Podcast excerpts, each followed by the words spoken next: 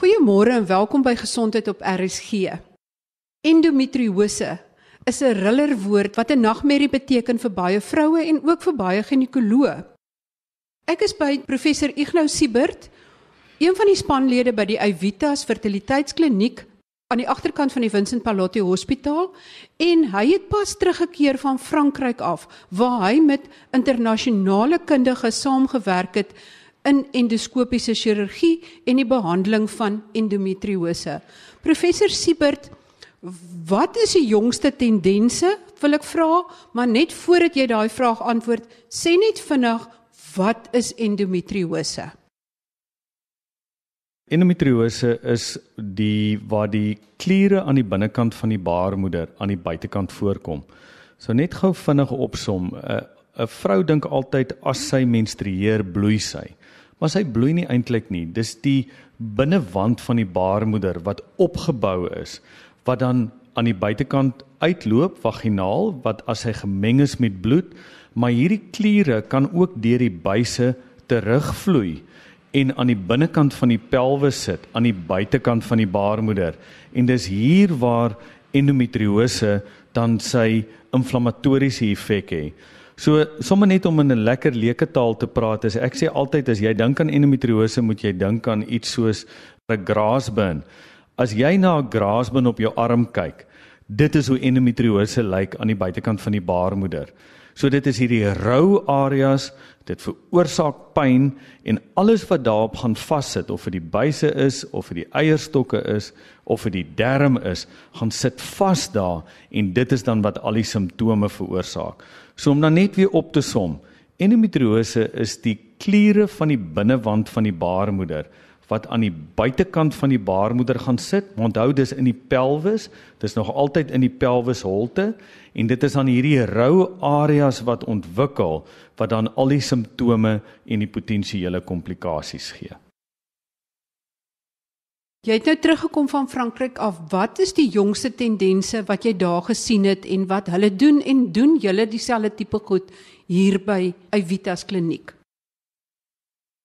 Ja, dis altyd interessant om bietjie te gaan skouers skuur met die mense wat jy glo jou mentors is of wat jou mentors is. Ek kan vir almal sê dat die mense in Suid-Afrika Um, ek praat nie nou net oor ons eie kliniek nie, maar dat daar daar's 4, 5 ouens in Suid-Afrika wat regtig goeie endometriose chirurge is en almal doen die regte werk.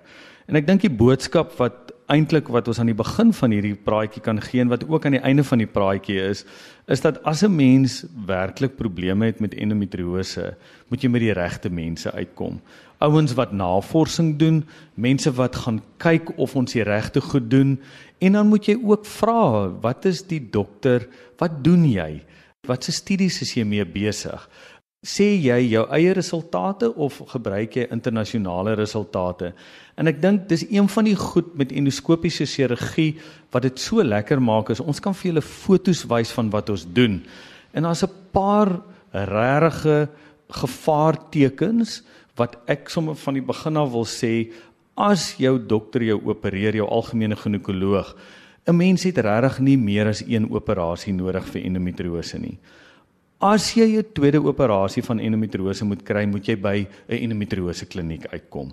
Want dan is die vraag al reeds, hoekom 'n tweede keer en hoekom het dit herhaal en het ek erge endometriose, het ek potensieel endometriose van my darm of van my blaas wat deur spesifieke chirurge geopereer moet word?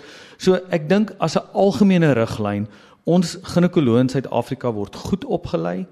Ek is self betrokke by die opleiding van hulle. Oor die algemeen behoort jy by jou algemene ginekoloog goeie dienste kry. Maar as jy daai tweede operasie kry, dan moet jy regtig waar mooi vra, hoekom 'n tweede operasie en dan is dit die tyd om 'n tweede opinie Vir my 'n tweede operasie onthou is gelykstaande aan 'n tweede opinie. En dit beteken nie dat jy nie jou dokter vertrou nie, maar dan wonder 'n ou, hoekom kry ek 'n tweede operasie? En dis wat dan nou gelykstaande is aan 'n tweede opinie. Waarom is dit so moeilik om daai endometriose chirurgies te behandel? Is dit omdat dit diep weggesteek is? Is dit omdat dit vasklou? Is dit omdat dit maklik is om deur ander weefsel of organe te sny? Hoekom is dit so 'n moeilike operasie? Ja, ek dink jy het nou al amper al die antwoorde gegee. So jy het nou al al die al die scenario's geskep. So endometriose kan ons gewoonlik nie diagnoseer net met 'n geskiedenis nie of net met 'n sonar nie. Ons het goeie suspisie. So onthou nou die die kliniese tekens van endometriose is die ou klassieke drie simptome dis pynvolle menstruasies, kroniese bekkenpyn en dan ook pynlike gemeenskap. En dit is die algemene drie tekens, maar dit beteken nie dat jy endometriose het nie. En dit beteken ook nie dat as jy dit nie het, dat jy nie endometriose het nie. So dis net 'n goeie rigting aangewer oor wanneer ons moet 'n suspisie hê van endometriose. Die probleem is is die diagnose. Want jy klinies het jy nou die simptome, met die ondersoek is dit baie moeilik want die vrou het pyn en die ultraklank, die sonar kan net assist van die eierstok sien, maar hy kan geen ander endometriose. Onthou daai endometriose aan die buitekant van die baarmoeder kan die ultraklank nie sien nie, maar dis net as dit 'n cyst vorm. So nou kom jou vraag in. So dis al klaar so moeilik om te diagnoseer. Nou kom die vraag in, hoekom is die chirurgie so moeilik? So hierdie kliere wat aan die buitekant van die baarmoeder is, kan gaan sit op plekke soos die blaas, soos jy gesê het, dit kan op die darm sit, dit kan op die nierpype of die ureter sit, Dit kan 'n sist vorm van die ovarie en ek wil graag hê ons moet net daaroor ook net 'n punt maak. Ek het tot 'n jong meisie gehad wat dit op die mantelvlies gaan sit het, die diafragma. En die interessante ding is sy was 24 jaar oud. Sy het al 'n kamera operasie van haar skouer gehad want sy het hierdie maandelikse skouerpyn gehad.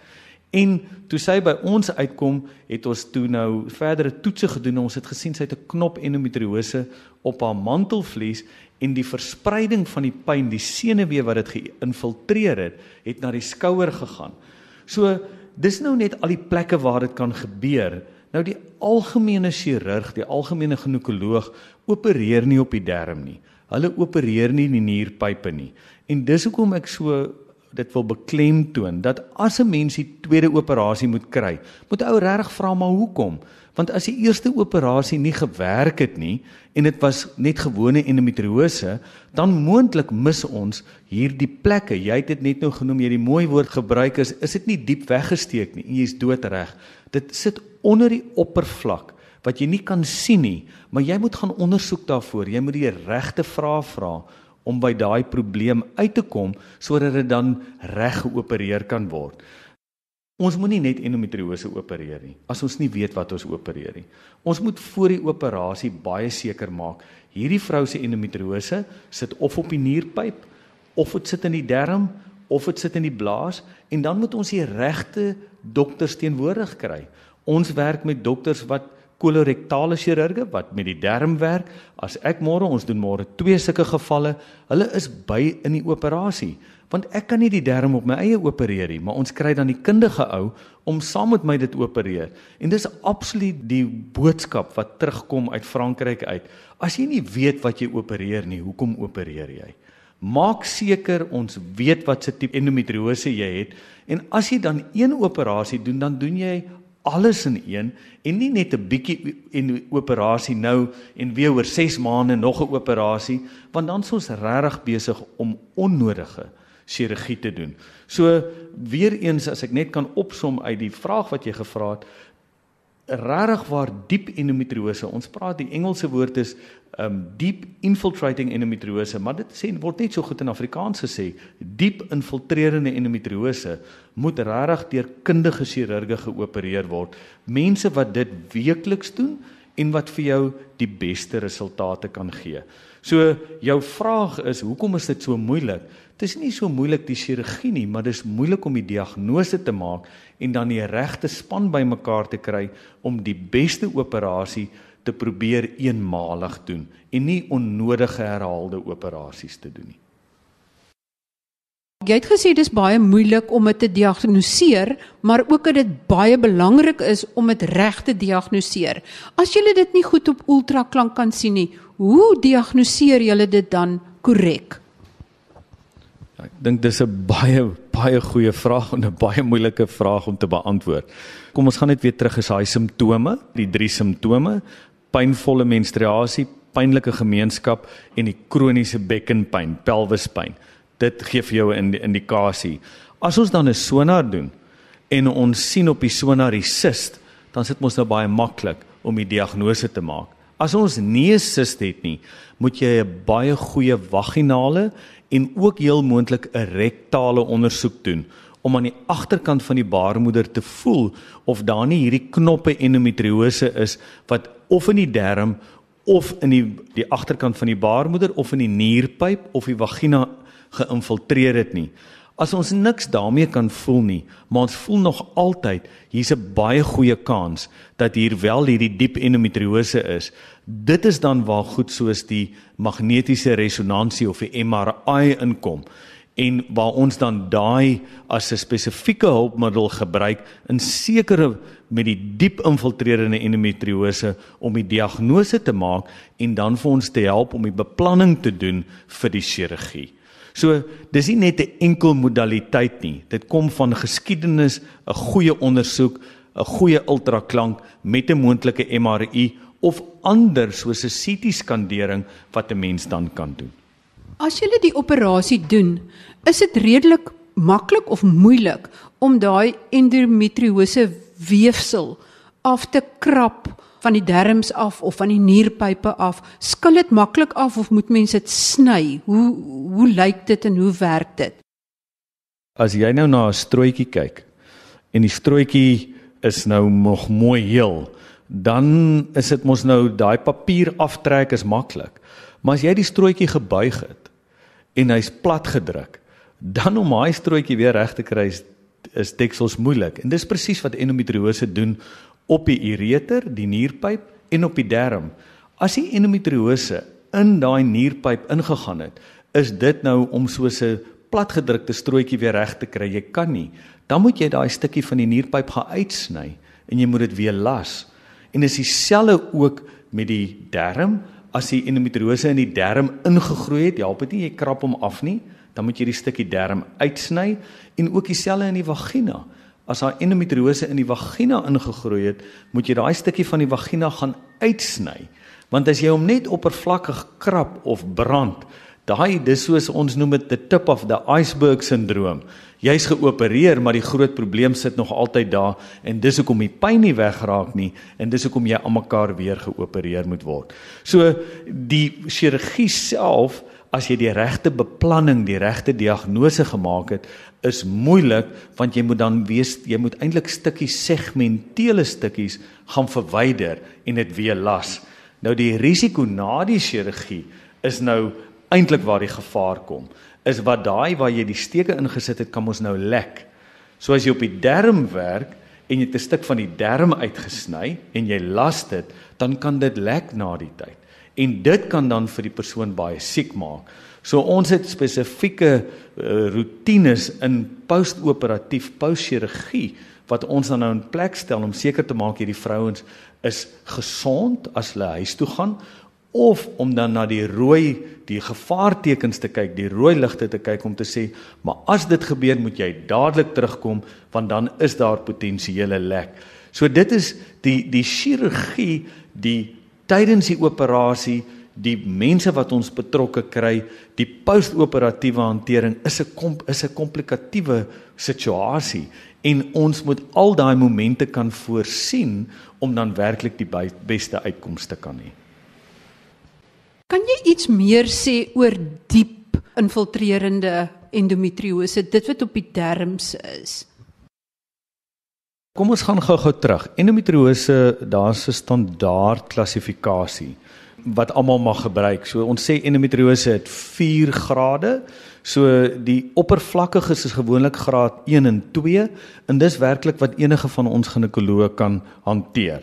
Dis daai oppervlakkiges wat jy nou die hele tyd na verwys, kan ons dit afkrap. As ons dan kyk na die stadium 3, dis wanneer dit onder die oppervlak ingegroei het. Jy kan hom sien, maar die groot deel lê onder die oppervlak en dit staan ook dan gewoonlik verwant aan groot siste van die ovarie. En onthou ek en jy moet praat oor die siste van die ovarie. Dan die 4de graad is wanneer hy dan nou hierdie ander organe betrek, die blaas, die darm, die nierpyp. So die gevaar wat ons het is daai diep endometriose. Dis amper soos 'n kanker. Hy groei diep. Jy kan hom nie altyd van bo af sien nie en hy infiltreer die orgaan. So jy kan nou dink as jy iemand is wat nie elke dag hiermee werk nie en jy maak daai oppervlak oop en hier's hierdie darm geïnfiltreer, dan kan jy nie verder daarin opereer nie. So die dokter is nie 'n swak dokter wat dit verder kan opereer nie. Hy het net nie verder opleiding gekry om daai tipe operasie te doen nie. So die diep endometriose beteken werklik wat jy sê. Dis endometriose onder die oppervlak en ons moet voor die operasie daarvoor gaan soek. Want as jy in die operasie is en jy dit kry, het jy nie met die pasiënt al die potensiële komplikasies bespreek nie. En dan kan jy dit nie opereer nie. So eintlik begin ons al klaar op die agtervoet van die pasiënt het 'n onnodige operasie gekry want ons het nie die endometriose voor die tyd gediagnoseer of daai diep endometriose nie. Die oppervlakkige endometriose is maklik. Al ons ginekoloog kan dit hanteer, maar dis daai diep endometriose onder die oppervlakte. En dis waarvan jy praat, daai wat in die darm in is, in die vagina in is, in die ureter of die nierpyp in is. Dis daai ouetjie wat die probleem is. En dit is die ou wat reg geopereer moet word in die begin. Dit gebeur baie minder, maar ons het al pasiënte gehad wat die dokter vir die vir die pasiënt gesê het, "Mevrou, jy moet elke 6 maande 'n opvolgoperasie kry om seker te maak die endometriose nie teruggroei nie." Dis die een scenario. Die ander scenario is dan kry ons 'n jong meisie van 28 wat sewe operasies gehad het, maar het nooit die diep endometriose gesien en uitgehaal nie. Eenmaal ordentlik opereer, gebruik die pil tot jy wil swanger word en jy hoef nie weer 'n operasie te kry nie. So die regtig en ons kom weer terug in die begin daai heel eerste standpunt wat ek gemaak het. Vir my is 'n tweede operasie gelykstaande aan 'n tweede opinie. En as jy nie gemaklik is met die rede vir die tweede operasie nie, gaan vra 'n bietjie rond. Hoekom kry ek 'n tweede operasie? Daar's indikasies vir tweede operasies, maar jou dokter sal dit bespreek, maar tweede operasie moenie net 'n roetine operasie wees nie. Dan moet ons daai vraag vra, want heel moontlik is hierdie diep endometriose gemis en dan moet 'n mens by die regte plek uitkom. As jy dan die chirurgie doen, kan jy met die oog sien dat jy nou die endometriose gedeelte alles weggesny het. Is dit sigbaar of hoe weet julle dat alles nou weggesny is? Ons kan dit sien. As dit klein mikroskopiese uitsaaiings is, gaan ons dit mos nou duidelik nie kan sien nie. Maar die groot stukke endometriose, veral as jy in daai diep endometriose inkom, sien jy baie duidelik waar die normale vlakke is, waar die normale weefsel is en die abnormale weefsel. As daar dan dalk mikroskopiese deeltjies agterbly, is daar medikasie of iets wat mens kan gee om seker te maak dat dit nie dan verder groei en 'n nuwe endometrioom of nuwe uitsaaiings veroorsaak nie. As ons kyk na herhaling van endometriose, ons sê dat in die beste hande is die kans vir herhaling 20 tot 50% oor 'n periode van 2 tot 5 jaar. So as 'n mens wil swanger word, moet jy so vinnig as moontlik na die operasie swanger word. Want swangerskap veroorsaak dat jy nie ovuleer nie. Dis is daar geen hormonale stimulasie nie. En die ou mense was daar die mite pregnancy is a cure of endometriosis. Dit is nie so nie. Al wat dit doen is dit verbeter jou simptome omdat jy nie ovuleer nie. En dis hoekom swangerskap dan gesien is dat dit 'n potensiële behandeling is. So as ons opereer en ons wil swanger word, moet ons so vinnig as moontlik swanger word. As ons opereer en ons wil nie swanger word nie, moet jy op die pil gaan.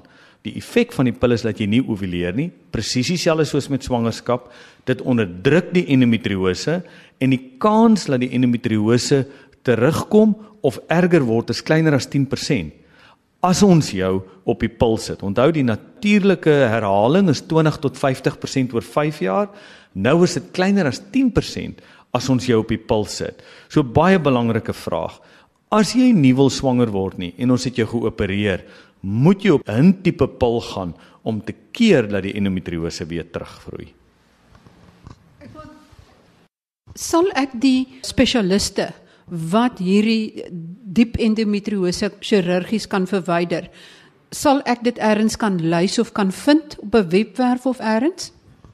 Ons het 'n vereniging met die naam van SASREG, S A S R E G, en ons is juis besig om vir hulle en ook vir die mediese fondse dokters daar te stel wat wel hierdie endometriose opereer. Ek dink op die oomblik is die belangrike ding is daar's goeie dokters in Kaapstad wat dit opereer, daar's dokters in in Port Elizabeth, daar's dokters in Johannesburg, in Pretoria, in Natal, in Bloemfontein. En ek dink as jy in daai area is en jy word vir die tweede keer geopereer, vra rond wie is die dokters in hierdie area, skryf 'n brief op ons webtuiste sasrek www.sas reg.co.za en ons sal vir julle verwys na die dokters in die area wat dan hierdie erge of gevorderde graad van endometriose opereer. En as jy nog nie gehelp word nie, kan jy ons kliniek bel en ons sal vir julle aan die einde van die uh, gesprek die kliniek se nommer gee en ons sal dan vir julle sê julle kan met my praat en ek sal vir julle sê gaan na daai dokter toe of jy is by die regte dokter, geen probleem, hy sal jou probleem verder kan hanteer. Baie dankie aan professor Ignou Siebert van die Evitas Fertiliteitskliniek in Kaapstad en hy is ook verbonde aan Universiteit van Stellenbosch se mediese skool. Volgende week gesels ons weer oor endometriose en dan baie spesifiek oor wat gebeur as endometriose in die vrou se eierstokke of ovaria plaasvind omdat dit 'n baie groot impak op haar kans op swangerskap kan hê as dit nie absoluut reg behandel word nie. Dan is ons by week 1 van ons doen dit net aksieplan. Ek gee nou die riglyne vir jou vir week 1 wat maandag begin, maar jy kan vandag al begin. Die nuusbrief met al die inligting word voortaan elke Vrydag uitgestuur sodat jy jou week ordentlik kan beplan. As jy nog nie die volgende gedoen het nie, doen dit gou-gou voor Maandag. Besluit watter oefening jy gaan doen. Besluit saam met wie jy dit gaan doen. Besluit watter dae van die week die beste vir jou gaan pas om te oefen. Dan besluit jy watter tyd van die dag die regte tyd vir jou gaan wees en blok hierdie 4 tye in die week uit in jou dagboek sodat dit vir jou jou afspraak met jouself is. As jy ouer as 60 is en baie oorgewig en onfiks is, is dit miskien 'n goeie idee om jou dokter te besoek om net seker te maak dat jou hart in 'n goeie toestand is om darm 'n bietjie ekstra las te dra. Hier is ons dan by week 1. Jou oefening. Jy gaan 4 keer 'n week vir minstens 10 minute per dag oefen en jou polsslag moet opgaan tot 3 kwart van jou maksimum spoed. Vir mense wat 60 jaar oud is, is dit omtrent 120 slae per minuut. Hoe ouer jy is, hoe minder is dit en hoe jonger jy is, hoe hoër is dit. So jy moet jouself druk, maar jy moet nog steeds kan gesels. Jou asem moenie totaal en al weg wees nie wat jou eet betref. Koop genoeg groente en vrugte vir hierdie week sodat jy genoeg vars kos het en koop die groente en vrugte waarvan jy hou. Dan, jy sny alle suiker uit jou eetplan uit. As jy suiker in jou tee of koffie gedrink het, sit dan nou versoeter in as jy dit nie sonder 'n soet smaakie wil geniet nie. Geen lekkers, geen sjokolade, geen koekies, geen beskuit, geen koek, geen pastye met deeg, konfyt, gebak of enige iets wat baie suiker bevat nie. So jy sny dit heeltemal uit. Ek het nou nog glad nie aan brood geraak nie. Moenie nou bekommerd wees daaroor nie. Moenie nou bekommerd wees oor verskillende soorte groentes en vrugtes nie. Ons hou dit eers algemeen. Die res eet jy soos jy wil. Nou, As jy honger voel, eet 'n vrug, sny dit op en eet dit. As jy nie lus is vir die vrug nie, is jy nie honger genoeg nie. Dan los jy dit. En onthou, ek oefen en doen alles saam met julle. En ek wil al julle stories hoor van hoe dit gaan. Tot volgende week dan. Totsiens.